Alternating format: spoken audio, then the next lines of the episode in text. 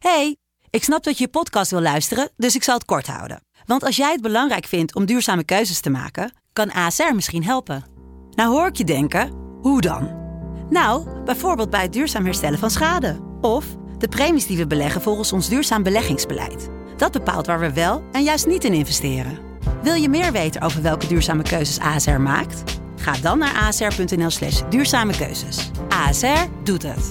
Zo, dan kan je nu lekker naar je podcast luisteren. De stroom. Gefeliciteerd. Je hebt wederom een nieuw jaar unlocked. Wat gaan we doen? Waar gaan we heen? Waar worden we dit keer door ambitie opgeslokt? Laat die golven komen. We beuken ons door de branding. We rennen de woeste zee in, op zoek naar interne verandering. Want alles ligt in onszelf. Jij hebt de sleutel.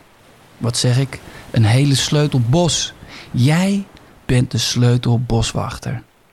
De conciërge van je eigen wolkenkrabber. Hé, zijn we wakker? In stilte ben je dapper. Je rent een marathon altijd in je eentje. Niemand hoeft het te weten.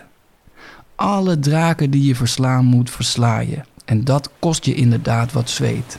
Maar het zout dat je op je gezicht proeft, laat je weten dat je leeft. Waar ga je je energie in steken? Alles is de moeite waard als jij erachter staat.